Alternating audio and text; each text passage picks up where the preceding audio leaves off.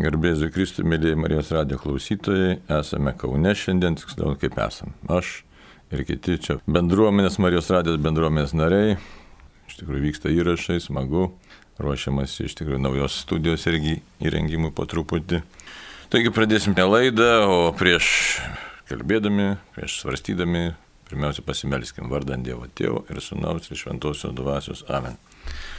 Viešpėdė Dieve, tu esi mūsų kuriejas, mūsų atpirkės vienas trybė, Dieve gelbėtojas. Gyvenime daug yra iššūkių, įvairiausių asmeninių, visuomeninių, taigi ateinam pas tave, kad tu mus vestum, šviestum šventą dvasę, kaip gyventi, ką daryti, kokiu keliu eiti, kad visą laiką būtume atsigręžę į tave, santykė su tavimi neprarastume tavęs. Ir tave tikėdami, tave mylėdami, žmonėms patarnaudami, laimėtume amžinai gyvenimą per Kristų mūsų viešpadį. Amen. Na, o toliau kalbam apie tėvę mūsų maldą. Tai prasidėjo tas būtent kelionė, kelionė, katekizmo keli, e, puslapiais kelionė apie tėvę mūsų. Ir pasižiūrėkime tai, ką mes šiandien galim išgirsti, ką pasiskaityti, į ką reiktų dėmesį atkreipti. Taip, 2764 numeris. Kalno pamokslas yra gyvenimo mokslas. Viešpės malda yra malda, bet ir vienu ir kitu atveju viešpės dvasia suteikia mūsų troškimams, mūsų gyvenimą gaivinantiems vidiniams judesiams naują pavydalą. Jėzus savo žodžiais mus moko šio naujo gyvenimo ir moko prašyti maldoje. Nuo mūsų tinkamos maldos priklausys ir mūsų gyvenimas jame. Taigi toks įvardinimas įvairių momentų, įvairių dalykų. Dabar pirmiausia kalno pamokslas. Jau girdėjom prieš tai buvusiam numeryje už, užuominas apie kalno pamokslą, dabar galim konkrečiai pasižiūrėti tą kalno pamokslą, ką jisai mums sako. Ir pagalvoti, kodėl katekizmas sugretina būtent mums kalno pamokslą ir viešpatės maldą, kitaip tariant, tėvę mūsų maldą. Taip kalno pamokslas. Čia Evangelija pagal Mata penktasis skyrius. Matydamas minės, Jėzus užkopė į kalną ir atsisėdo. Prie jo prisertino mokiniai. Atvėręs lūpas jis mokė. Palaiminti beturčiai dvasia, nes jų yra dangaus karalystė. Palaiminti liūdintis, nes jie bus paguosti. Palaiminti romieji, nes jie paveldės žemę. Palaiminti alkstantis trokštantis teisumo, nes jie bus pasotinti. Palaiminti gailestingieji, nes jie susilauks gailestingumo. Palaiminti tyra širdžiai, nes jie regės Dievą. Palaiminti taikdariai, nes jie bus vadinami Dievo vaikais. Palaiminti persiekimi dėl teisumo, nes jų yra dangaus karalystė. Palaiminti jūs, kai dėl manęs jūs niekina ir persekioja, bei meluodami visai šmeižia. Būkite linksmi ir džiugaukite, nes jūsų laukia gausus atlygis danguje. Juk lygiai taip kadaise persekiojo ir pranašus. Štai kalno pamokslas, čia yra devyni palaiminimai. Palaiminimai e, žmonėms, kurie apsisprendžia būti tam tikrų buvimų. Ir e, aišku, čia atskira tema būtų kalbėti apie kalno pamokslą. Ir, ir, ir matom, kad tas e, buvimas, koks yra devintasis palaiminimas, palaiminti jūs, kai jūs dėl manęs jūs niekina ir persekioja, bei meluodami visai šmeižia. Kitaip tariant, kylančią liniją, bet tokia kryžiaus kelio linija tie pamokslai iš tikrųjų e, pateikiami, nes aštuntasis palaiminimas buvo dešimtoje eilutėje palaiminti persikėjami dėl teisumo, nes jų yra dangaus karalystė. Įsivaizduoju, dėl teisumo. Kokio teisumo? Čia vis tas teisumas nėra žmogiškasis, tik tai teisumas, tai yra teisumas apie Dievą, apie Dievą, apie Dievo karalystė kalbėjimas, tas matymas pasaulio kaip Dievo pasaulio, e, toks ne, ne kūno kalba, bet dvasios kalba. Tai tokie labai svarbus dalykai, kurie išdėstyti kalno pamokslė. Todėl e, katekizmas mums čia sako, kalno pamokslas yra gyvenimo mokslas. Tai va, gyvenimo mokslas. O viešpatės malda yra malda. Tai dabar čia gyvenimo mokslas, tai kalba kaip laikysena. O kita koja savotiškai galėtume sakyti viešpės malda, tėvė mūsų yra malda. Ir, ir kas čia vyksta, aiškiai, ir vienu, ir kitu atveju viešpės dvasia suteikia mūsų troškimams, mūsų gyvenimą gaivinantiems vidiniams judesiams naują pavydalą. Apie kokį čia naują pavydalą kalbama iš tikrųjų. Tai tiek kalno pamokslas, tiek viešpatės malda, tai yra tėvė mūsų. Jie kalba apie santyki su Dievu ir su savimi bei pasauliu. Vėlgi tas santykio kalbėjimas. Dabar su Dievu santykis, tai mes dar pasižiūrėsim kitam numeryje, ten bus kalba apie tai, kad mes Dievą imam drąsiai tėvų vadinti. Na, į kalno pamokslas vėl pasiūlo mums tokį kelią, kuris nėra toks populiarus kelias, bet toks sudėtingas kelias. Ir jame reikia labai daug tvirtumo, kad užimtum tikrą poziciją. Na ir kita vertus, sako, dvasia, aiškiai, viešpatės dvasia, kalbam apie šventąją dvasę. Tai yra toks labai akivaizdus kalbėjimas, konkretus kalbėjimas kad štai viešpatės dvasia e, veda visai tokių, na, galim sakyti, netikėtų galbūt net kelių. Kelių, kuris tikrai dvasios kelias ir kuris reikalauja žmogaus, na, tokio trasaus apsisprendimo, kas nėra lengva, bet čia parodo e, tiesiog ta viešpatės dvasia, kaip sako, naują pavydalą suteikia, naują. Na, kur tas naujumas, tai naujumas tai yra, kad mes galvojam apie vienokius reikalus, kitokius reikalus, o štai Dievo dvasia e, mato, parodomus pasaulį nekūniškų tokiu būdu. Čia galima į tą daugą būtų labai įdėti, tai e, nepopuliarius tokius galėtume sakyti dalykus įdėti. E, kad štai, aiškiai, jeigu tiek tėvė mūsų, aiškiai, malda kviečia į tam tikrą būsena, tiek ir palaiminimas. Bet kokie tie palaiminimai? Beturčiai dvasia, tai yra, kurie neprisiriža prie pasaulio, liūdintis dėl įvairiaus neteisumo, taigi vėl e, žmonės, kurie mato pasaulį, kuriame yra blogio daug, bet nenurimsta, nepasiduoda tokiam, sakysim, plaukimui pasroviui. Palaiminti romieji, nes nepaveldė žemę, ką reiškia romieji, tai nėra čia kažkokie tokie visiškai nuleidę galas, bet kurie e, supranta, kokio būdu, kaip išmintingai kovoti su blogiu, kitaip tariant, ištveria tą visą e, na, neteisumą egzistuojantį pasaulyje ir ištveria kaip Dievo žmonės, užėmė tam tikrą poziciją. Palaiminti alksantis ir trokštantis teisumo. Taigi tie, kurie pastoviai ieško tiesos, nenurimsta, nes pavarksta žmogus, e, paprastai kovoje, nori išeiti iš to tokio įtampos lauko palaimti gailestingai. Vėlgi gailestingumas tai čia nesuprasnės kažkoks tai pigus gailestingumas, bet tai iš tikrųjų kaip pozicija, kaip konkretus veikimas, konkretus darbas, kai žmogus kažką tai daro gerą, gailėdamasis e, kitų ir tiek dvasiniai, tiek materialiniai plotmiai. Ir tas gailestingumas gali būti labai platus, tai yra iš tikrųjų ir skelbti Evangeliją, ir mokyti tiesos, ir šviesti, ir, ir aukoti savo laiką, ir keliauti į įvairias misijas, žodžiu, labai labai platu, platus čia toks pasakymas. Palaiminti yra širdžiai, nes jie regės Dievą, tai čia ne tik skaistumo prasme, e, tyra širdiškumas tas yra, bet klastos nebuvimas taip pat yra tyra širdis. Pykčio, nepykantos atsisakymas, keršto atsisakymas yra tyra širdis palaimti taikdariai, vėlgi taika nėra, kad kažkas tai ten nuvažiuoja su automatu ir daro taiką. Čia ne apie tą taiką iš tikrųjų kalba Jėzus nuo, pamokslė nuo kalnų. Jis kalba apie taiką, kurią atneša būtent laikysena, taikinga, tvirta, e, mylinčio žmogaus laikysena, kuri sutaiko žmonės.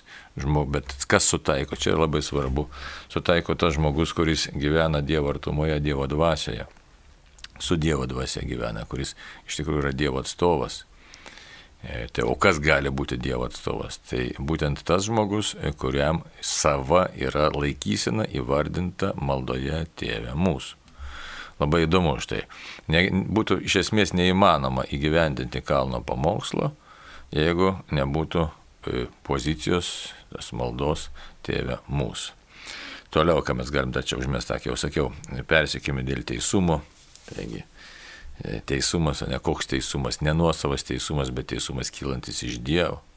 Jeigu tik tai nuosavas teisumas, tai čia yra problema, egoizmas savotiškai gali būti, gali būti, ne, gali ir nebūti. Na ir kaip jau minėjau, persiekime tie, kurie dėl, tai, dėl Dievo karalystės, dėl Jėzos pažinimo, nes tokiu būdu žmogus užima pranašo poziciją ir, aišku, užsitraukia neapykantą, užsitraukia e, pyktį, užsitraukia tokia, na, aiškiai, kieno pyktį ir kieno neapykantą pasaulio dvasios, arba galime drąsiai įvardinti piktosios dvasios ir e, iš karto atsiranda antagonizmas. Tai. Bet kad tą antagonizmą įveikti, pasirodo, gali tik tai žmogus, kurį veda Dievo dvasia, kuris tikrai supranta, kas kalbama maldoje tėvė mūsų.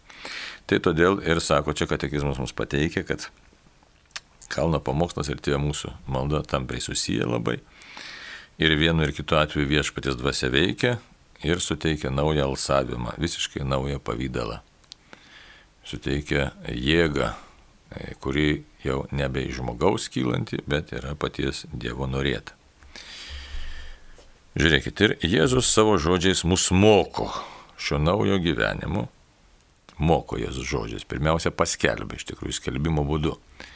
E, kas yra palaiminti, kokie žmonės yra palaiminti. Ką reiškia palaiminti, čia vėlgi reikia atkreipti dėmesį. Palaimintas tai yra tas, į kurį Dievas žvelgia palankiai. Yra tas palaimintas, kuriam Dievas teikia savo dvasę. Ir labai įdomu, kam Dievas teikia savo dvasę ir, ir žvelgia palankiai į tuos žmonės, kurie savo apsisprendimu užimam tam tikrą poziciją. Tai yra tam, tikra, tam tikras žvilgsnis į gyvenimą, į Dievą, į vertybės, žodžiu, nu, tiesiog gyvenimiška pozicija tam tikra turi būti užimta apsisprendimu. Tai nėra paprasta ir jis laiką reikalauja tiesiog kovos to iššūkio. Taigi Jėzus pirmiausia skelbimo būdu paskelbė, kokia programa, ar tiesiog, kaip galėtume sakyti, e, ko reikia mums siekti, kokią užimti poziciją, nes iššūkių bus, nes noras visą laiką koks būtų. Išvengti konfliktų, išvengti situacijų nepatogių, išvengti prieštaravimo, nes žmogus nori instinktyviai, nori ramybės, nori meilės, nori taikos, nori komforto, žodžiu, nori rojaus buvimo. O kadangi esame išvyti iš rojaus, galim taip sakyti, dėl nuodėmės, dėl šetono pavydo, kuris mus apgavo, e, mūsų protėvis, aišku, apgavo tėvus Adomą ir Jėvą, bet ir mus dabar apgaudinėja neretai. Taigi, piktoji dvasia apgauna ir žmogus, e, na, patenka į tokią, e, kaip galim sakyti, situaciją, kai nori sugrįžti į taikos būvį, o tuo tarpu vis dėlto pasipriešinimas reikalingas, apsisprendimas reikalingas ir kol esame ant šitos žemės, tol iš mūsų reikalavimo tam tikros laikysnos, kol dar galima, aišku, žiūrėkit, kartais būna lyga, palaužę smegenys, taip toliau, paskui žmogus jau nebegali iš tikrųjų pats savarankiškai gyventi, apsispręsti ir jau iš jo lieka tik tai, na, siela, bet ta siela jau tokiame labai trapiame, duštančiame kūne, kai tos samoningumo lieka mažai. Tai kol gali žmogus yra kviečiamas užimti aktyvę poziciją, aktyvę vidinę poziciją, pirmiausia apie vidinę kalbą. Tai va, ir sako, ką katekizmas sako, Jėzus savo žodžiais mus moko šio naujo gyvenimo ir moko jo prašyti maldoje. Matot, moko Jėzus, štai čia du dėmenys yra. Moko naujo gyvenimo, tai čia mums atrodo, kad mes tai mokomi esam, e, esam mokomi priimti tam tikrą poziciją savarankiškai, kaip nu, laisvi asmenys, autonomiški asmenys ir kad čia tiesiog viskas kaip liktai ir nuo mūsų visiškai priklausytų. Bet iš karto katekizmas mums primena, kad antrasis tas dėmo e, parodo, kad vis dėlto žmogus trapus yra, gali, aišku, priimti tam tikrą sprendimą, tam tikrą poziciją, bet kad toje pozicijoje tam, tame apsisprendime išbūtų, išstovėtų, jam reikalinga Dievo pagalba. Taigi todėl sako ir moko jo prašyti, tai yra to naujo gyvenimo, prašyti maldoje. Tai dabar kaip galėtume įvardinti šitą tokį savotišką dalyką? Nėra čia sudėtinga, iš tikrųjų ta schema tokia nebūtų sudėtinga. E, Dievas pašaukė žmogų kaip laisvą bendradarbį. Labai sudėtingiams uždaviniams sunkiems uždaviniams. E, tai Dievas pakviečia, žmogus apsisprendžia ir tada Dievas teikia jėgų jau tuos tiems apsispręstiems ar apspręstiems ar kaip prisimtiems uždaviniams įgyvendinti, juos įvykdyti. Taigi žmogus yra bendradarbis Dievo, bet jėga, sėkmė, galim pasakyti, arba dar gražiau galėtume sakyti, pergalę teikia Dievas. Tam, kuris apsisprendė eiti kartu su Dievu. Taip, Dievas yra tas pagrindinis kovotojas. Bet ryštis kartais tokiems nepakeliamiems uždaviniams, ne mūsų jėgoms uždaviniams, pasirodo, na, turim mes parodyti tą ryštą. Ta, tai ir paskui viešpas mus moko. Tai čia dabar kas išriškėja, tai sekanti frazė, paskutinė frazė šito numerio. Nuo mūsų tinkamos maldos priklausys ir mūsų gyvenimas jame, jame tai čia iš didžiosios raidės, tai yra Dievoje. Matot, kaip įdomiai, tai tokia dinamika čia yra. Pirmiausia, kalno pamokslas parodo, kokią poziciją turim užimti, paskui pateikiama malda. Ir ta malda atrodytų iš pradžių, nu tai ką čia malda reiškia, nes aš pats turiu apsispręsti.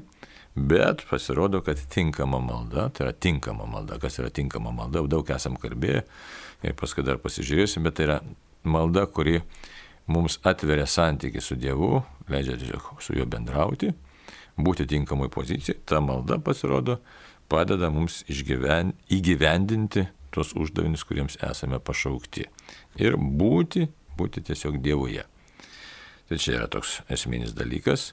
Tai kitaip tariant, jeigu dar trumpiau, suglaušiau pasakyti, tai vis dėlto malda yra pagrindas, tinkama malda yra pagrindas mūsų teisingo dvasinio gyvenimo ir teisingo gyvenimo iš esmės apskritai. Tai va, taip kaip, kaip įdomiai čia susidėstyta, taip jeigu žiūrėt tarp eilučių ir, ir tai, ką, ką reiškia kiekviena frazė. Dar glaušiau pasakius, jeigu nesimelsi, tai nelabai pavyks arba nepavyks įgyvendinti kalno pamokslo na, nurodymų, patarimų, galėtume sakyti ir reikalavimų savotiškai, bet čia nėra tiesiog reikalavimų, čia yra kvietimas daugiau būti palaimintais. Taip, dabar pereikim prie kito skirelio. Kitas skirelis yra toks viešpatės malda, taip pavadintas ir 2765 numeris kalba. Tradicinis pavadinimas viešpatės malda, kabutėse, ne kaip pavadinimas, reiškia, kad į tėvą kreipiamos maldos mus išmokė ir mums ją dovanojo viešpats Jėzus. Ši iš Jėzaus gauta, mūsų gauta malda iš ties tokia tai yra vienintelė. Ji yra viešpaties, čia vėl kaip pavadinimas kabutėse. Viena vertus, tos maldos žodžiais vienatinis sunus mums perduoda jam tėvo duotus žodžius ir yra mūsų maldos mokytojas. Kita vertus, įsikūnės žodis savo žmogišką prigimtimi žino, ko reikia jo broliams ir seserims ir tai mums apreiškia. Jis yra mum, mūsų maldos pavyzdys ką mes dabar šitame numeryje randame iš tikrųjų. Šitam numeryje mes randam tokius įdomius e, dalykus, į kuriuos galbūt kartais ir net kreiptume dėmesį, jeigu katekizmas mums čia jų neparyškintų. Mes jau esam pripratę, kad štai tradicinis pavadinimas viešpatės malda. Bet vienas momentėlis galbūt mums ir nepastebimas lieka. Koks dabar? Mes daug kartų Evangelijoje skaitome, girdime, kad štai Jėzus meldėsi. Meldėsi tėvui, meldėsi vienaip, meldėsi kitaip, bet mes niekur nėra parašyta, kaip jisai ten meldėsi. Niekur nėra parašyta, kokiais žodžiais kalbėjo. Už tai tėvo mūsų maldos esmė ir reikšmė iškyla, kad štai apaštai paprašo ir jisai įvardina konkrečius žodžius ir tie konkretus žodžiai užrašyti pasiekia mus. Taip. Tai, nes labai daug kur kalbama, kad Jėzus ilgai meldėsi. Ilgai meldėsi, kad ten jau prieš išdavystę ir krauju prakaitavo. Bet ką sakė tėvai mes nežinome. Tuo tarpu tėvė mūsų malda yra labai konkreti forma, konkretus žodžiai, kurie mums ir kalba būtent kokiu santykiu, kaip mato Jėzus savo santykių su tėvu ir kokiu santykiu, kaip mums reikia iš tikrųjų bendrauti su dangiškoju tėvu. Tai va, taip, kad į tėvą kreipiamos maldos mus išmokė, tai jis mus išmokė. Tiesiog konkrečiai yra paliktas, palikta malda, paliktas pavyzdys, paliktas turinys. Na ir mes analizuojam tą turinį. Taigi, sako, ir išmokė, ir mums ją dovanojo. Tai yra kaip dovana iš tikrųjų, kad mums nereiktų vargti, kažką tai kurti, ieškoti. Nors, aišku, visos kitos maldos irgi geras, bet jos jau paskui atitinka tą e, turinį, dvasę, reiktų sakyti, dvasę iš tikrųjų, kokia dvasia tai yra nuolankaus žmogaus, e, tiesiog nuolanky dvasia, e, kad e, įvardinam Dievą tėvų ir su tėvu bendraujam. Tai va. Ši iš Jėzos mūsų gauta malda iš ties, ties tokia tai yra vienintelė. Būtent, kaip jau minėjau, ji tokia užrašyta vienintelė. Ir yra viešpatis pats Jėzus, kreipiasi į tėvą būtent tokiu būdu ir mūsų moko, ne, sako, šitaip sakykite. Tai va. Dabar tai yra labai rimta. Dabar kodėl labai rimta, čia yra nuoroda Jono Evangelijos 17 skyrių, 17 eilutę. Kaip skamba ta eilutė, mes galim dabar pasižiūrėti. Atsiprašau, Jono Evangelijos 17 skyrių, 7 eilutė. Dabar jie suprato, jog visa, ką man esi davęs, iš tavęs kyla. Kitaip tariant, e, gelmė tos maldos, kad tai, ką Jėzus ištarė, tai nėra šiaip savo kažkas, tai tarp kitko, bet, iš, bet yra paties Dievo duoti žodžiai per Jėzų žmonijai. Neįsiklausykim, paties Dievo per Jėzų žmonijai duoti žodžiai. Tai kad netrodytų kartais, kad mes čia apie tėvą mūsų ten e, kalbam, čia daug, daug, kaip sakyti, žodžių, ar katekizmas daug čia kažką sako, bet gelmė kokia, kokia esmė. Pats tėvas, tai yra dangiškasis tėvas, per Jėzų žmonijai suteikia, išmoko, kaip į Dievą kreiptis, kokią poziciją užimti, kaip savo maldą formuoti, kaip toje maldoje būti. Tai va, taigi E, dar kartą pakartokim šitą eilutę. Tos maldos žodžiais vienatinis sunus mums perdoda jam tėvo duotus žodžius. Ir yra mūsų maldos mokytos. Čia paprasta, ne? Kita vertus, įsikūnės žodis savo žmogišką širdimi žino, ko reikia jo broliams. Čia vėl labai įdomus momentas, čia toks mums labai sušildantis momentas.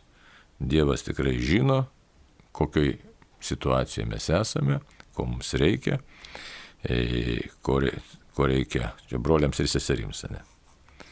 Ir tai mums apreiškia. Taigi, mus pamoko specialiai, kad neklaidžiotume.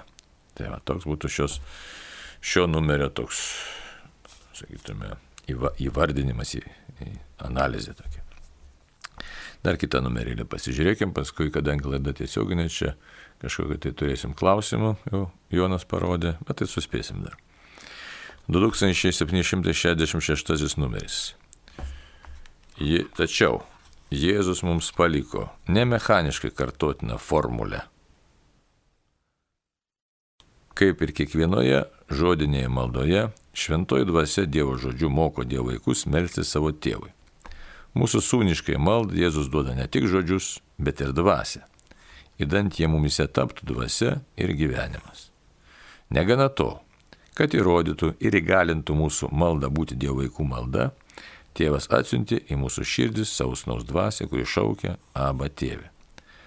Mūsų malda išdėsto Dievui mūsų troškimus, širdžių tyrėjas tėvas žino dvasios troškimus, kad jį užtaria šventuosius pagal Dievo norą. Tėve mūsų malda įsiterpia į slėpiningą sunaus ir dvasios misiją. Čia toks sudėtingokas tas numeris, čia daug iš tikrųjų žodžių ir daug nuorodų į šventą įraštą. Ir dabar kokios šitos nuorodos iš tikrųjų. Tai čia labai įdomios tokios nuorodos, dabar apie ką kalbama. Kalbama čia, kad Jėzus mums paliko nemechaniškai kartotiną formulę. Kas čia yra svarbaus? Jeigu atsiverstume, čia išnaša yra į Mato Evangelijos 6 skyrių 7 eilutę. E, ta vieta yra, aiškiai, e, Evangelijai. Melsdamiesi nedaugiau žodžiaukite kaip pagonis, jie tarėsi būsę išklausyti dėl žodžių gausumo. Tai čia vienas momentas, reiškia. Ir dar vienas momentas yra, apie ką kalba iš tikrųjų šventasis raštas mums primena, kad nereikia daugiau žodžiauti. Tai tokia labai e, įdomi istorija, pirmoji karalių knygai, kai pranašas Elijas atnašavo auką ir kaip savotiškai, na, varžėsi su balo pranašais. Ten yra, aiškiai, pirmoji karalių knygoje, 18 skyriui, nuo 26 eilutės iki 29 eilutės. Ir ką pranašas Elijas, kai tie balo pranašai ten šaukė, klykė, rėkė, ten aukodami auką. Ir nieko Dievas jų negirdė, tai iš jų šaiposi, sako, gal tas jūsų Dievas užmygęs, gal jis ten kur nors į, į šoną nuėjo, o jie ten save reiškia E, rėkdami čaižė kalavijais, jėtimis, apsipylė krauju. Žodžiu, e, pasirodo, kad ne dėl žodžių gausumo ir ne dėl kažkokiu tai e, veiksmų Dievas išklauso, jis išklauso tų žmonių, kurie yra santykėje su juo.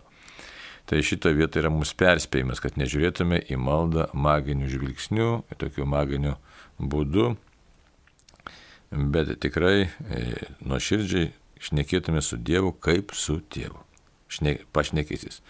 Atrodo, kad e, na, labai paprasti dalykai, bet e, kai susidurėm praktiškai, tai matome, kad nemažai mūsų maldų tampa mechaniškos. Ir netikinti žmonės, mūsų katalikai patys, nustemba, kad su Dievu galima šnekėtis. Arba kartais net nedrįsta su Dievu šnekėtis. O žinom, būkim e, atviri, kad net ir bažnyčioje, pavyzdžiui, sekmadienį, Jonai, kaip būni sekmadienį mišiuose? Būnu, būnu. Nu gerai, būni, būni, gerai pasakė. Ar dalyvauji mišiuose? Stengiuosi, ne, ne visada pavyksta. Ir kaip pavyksta sukalbėti mūsų maldą?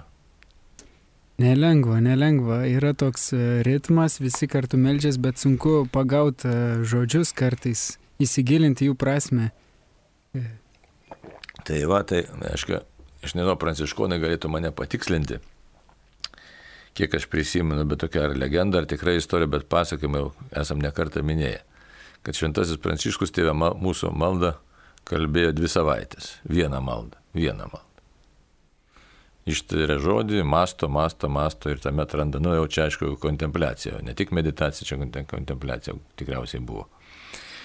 Tai va, tai žiūrėkit, autopilotų mums praeina, aš tai tikiu, tikiu Dievą tėvą, tai šimta procentų, čia aišku, šiek tiek nuklystu iš šono, bet pravarom visi autopiloto automatu kažkaip tai ten ir, ir kaip sakyti, ir išmokom visi, bet tame nėra gelmės. Ir kas nuo dėl to nukenčia? Kaip galvoja Jonai, kas nukenčia? Dievas nukenčia? Mes patys turbūt. Žinoma, mes nukenčiam, nes mes nepasinerėm į Dievo gelmę, neteinam į santykį su Dievu. Tai tas pats ir su tėva mūsų malda. Už tai čia katekizmas mus ir perspėja, kad Jėzus paliko ne mechaniškai kartotinę formulę, bet paliko lobį, iš tikrųjų lobį, kaip mes galime bendrauti su Dievu ir kaip mes galime tame santykė su Dievu atrasti visą gyvenimą, gyvenimo pilnatvę. Tai aišku, sakysit, praktiškai mišiuose, jeigu ten pradės kunigas labai lietai kaip tėvas Pijus, kad melstis po 3-4 valandas, tai išlakstys parapiečiai, žinai. tai žinai, apie panašiai, kas ten žino, o gal atvirkščiai susiburs visi ir išgyvens mistiškai Dievo artumą. Tai. Bet kokiu atveju čia primena mums, aiškiai, katekizmas, kad tai ne mechaniškai kartotina formulė, o, aiškiai, ėjimas į, į santykių su Dievu, asmeninį santykį. Tai kad jeigu tariam tėvę, tėvai turim ir tart tėvę, ne? Aišku, kiek pavyksta, išsiblaško tos mintis. Ne? Toliau. Kaip ir kiekvienoje žodinėje maldoje, šventoji dvasia Dievo žodžiu moko Dievo vaikus melsis savo tėvui prisiminam prieš tai buvusius, o čia prieš kiek laiko tos, reiškia, įvardinimus, kokios tos maldos yra, ne žodinė, kokia dar mastomoji malda ir taip toliau. Tai va, tai dabar žodiniai maldoj, taip pat šventoji dvasia tikrai veikia, žodinė malda yra reikalinga ir labai gera ir galinga. Taigi šventoji dvasia iš tikrųjų mūsų moko melstis. Tai primena tiesiog katekizmas. Ir moko melstis ne bet kam, sako, moko Dievo vaikus melstis savo tėvui. Čia yra esmė. Taigi, kai tėvė mūsų bandom kalbėti, tai tikrai nusiteikti reikia, kad štai kalbė, kal, kalbuosi su savo nuostabiausiu tėvu. Aišku, šioje vietoje esame minėję ir daug kas žmonės skundžiasi, kad nėra taip paprasta, ypač tie, kurių tėvystė, e, kur tiksliau, kurie neišgyveno savo tėvų tėvo ar neturėjo to tėvo ir jo to tėviško buvimo neišgyvena, taip reiktų sakyti.